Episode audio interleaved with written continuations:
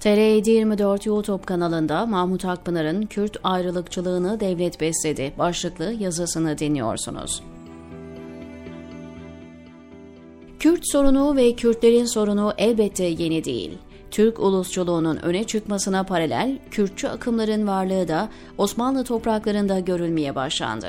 Kürtler devlet tarafından dışlanıncaya kadar kendilerini devletin, toplumun asli bir parçası olarak görmüşlerdir.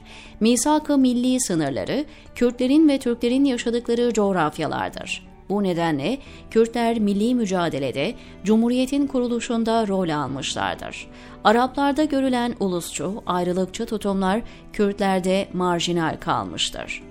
Osmanlı döneminde Kürtlerin yaşadığı bölgelerde Ermeniler, Süryaniler gibi gayrimüslim nüfus yoğun olarak yaşıyordu. Bu kesimler Hristiyan kimlikleri nedeniyle Batı tarafından desteklendiği için Müslüman Kürtler devletle birlikte hareket etmiştir. Osmanlı Devleti çöküş ve çözülüş döneminde ayrılıkçı talepleri olan gayrimüslimlere karşı Balkanlarda Arnavutları, Doğu Anadolu'da Kürtleri denge unsuru görmüştür. İkinci Abdülhamit döneminde Kürtlerden Hamidiye alayları şeklinde silahlı milis güçler oluşturulmuş ve bunlar Ermeni ayrılıkçılara karşı kullanılmıştır. Aydınlar arasında kısmen kabul görse de siyasal yaklaşım ve talep olarak Kürtçülüğün halk arasında yaygınlaşması 1980 darbesinden sonradır. Ülkedeki pek çok tarikat şeyhi, dini lider o bölgeden çıktığı için Kürtler seküler akımlara, etnik vurguyu öne çıkaran ulusçuluğa uzak durmuşlardır.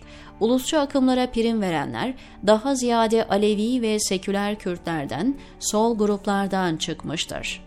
Tek parti döneminde inkılapları oturtma bahanesiyle halkın tamamına yönelik ağır baskı vardı. Yeni cumhuriyet rejimi alfabeden kılık kıyafete, Eğitimden etnik tanımlamaya, din anlayışına kadar ülkede radikal değişimler yapıyordu. Halkı bazı şablonlara uymaya zorluyordu. Son günlerde tarihi değil, ideolojik zeminde tartışmaya açılan Şeyh Said vakası, etnik ayrılıkçılıktan öte dini sayiklere dayanır. Kolayca sönümlenebilecek bir asayiş vakası, muhalif duruş, rejim tarafından büyütülüp gövde gösterisine dönüştürülmüştür.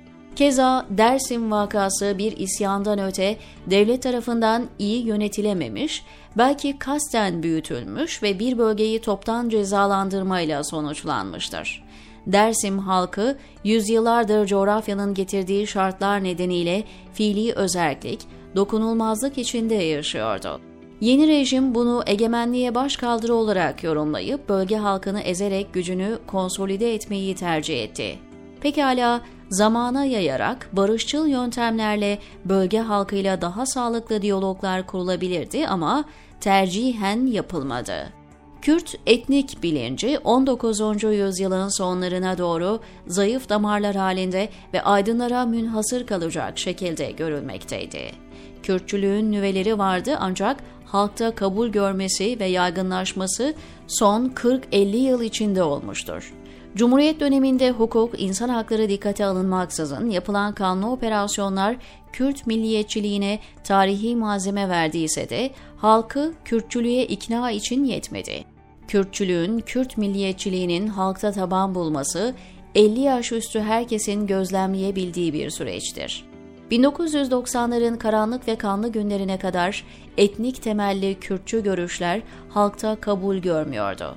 Bölge halkı Kürtçü hareketleri gayri İslami, seküler buluyor, dinsiz anarşistler olarak tanımlıyordu. Bölge halkı genelde merkez sağ partileri veya dindar siyasi temsilcileri tercih ediyordu.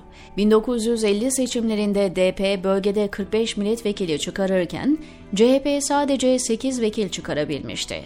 1954 seçimlerinde makas iyice açılmış, DP 65 vekilin 63'ünü almıştı. Zira DP, CHP'ye nazaran dini özgürlüklere ve çok kültürlülüğe daha yakındı, daha demokrattı. Sonraki yıllarda MSP-RP çizgisindeki partiler, İslami kimliği nedeniyle bölgede oldukça yüksek oy oranlarına ulaştı.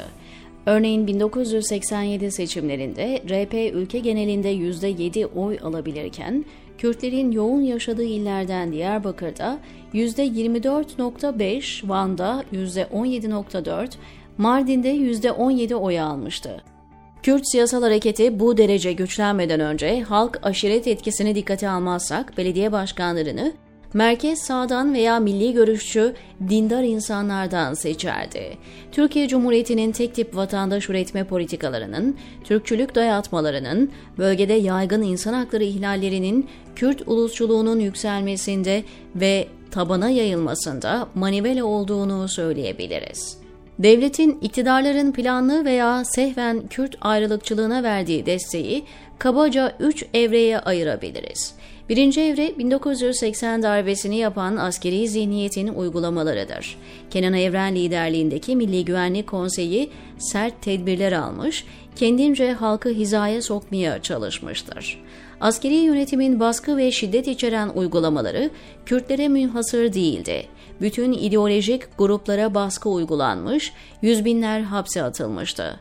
Askeri yönetim ilave olarak bölgede Kürtçeyi yasaklama, Kürt kimliğini aşağılama, okuldan sokağa, cezaevine kadar her yerde Türklüğü dikte etme, kabullenmeyeni sindirme, aşağılama politikaları izlemiştir.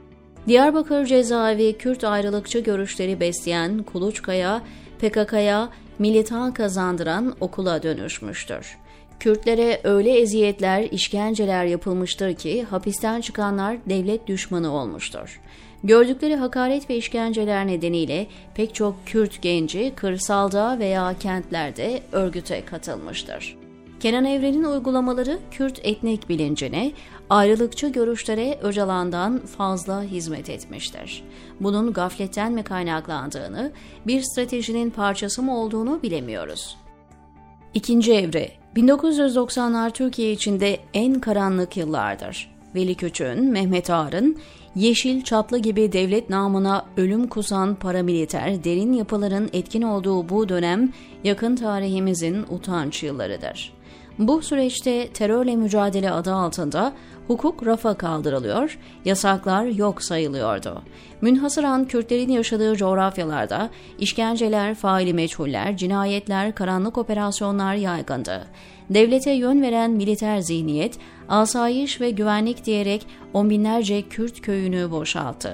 Mallarını almak, hazırlık için fırsat verilmedi. Saatler içinde köyü terk etmeleri istendi.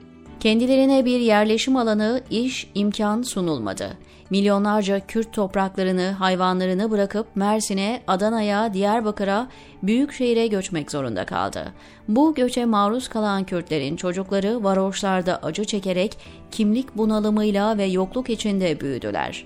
Türkiye'de Kürt olmanın zorluğunu gören gençler PKK taraftarı oldu.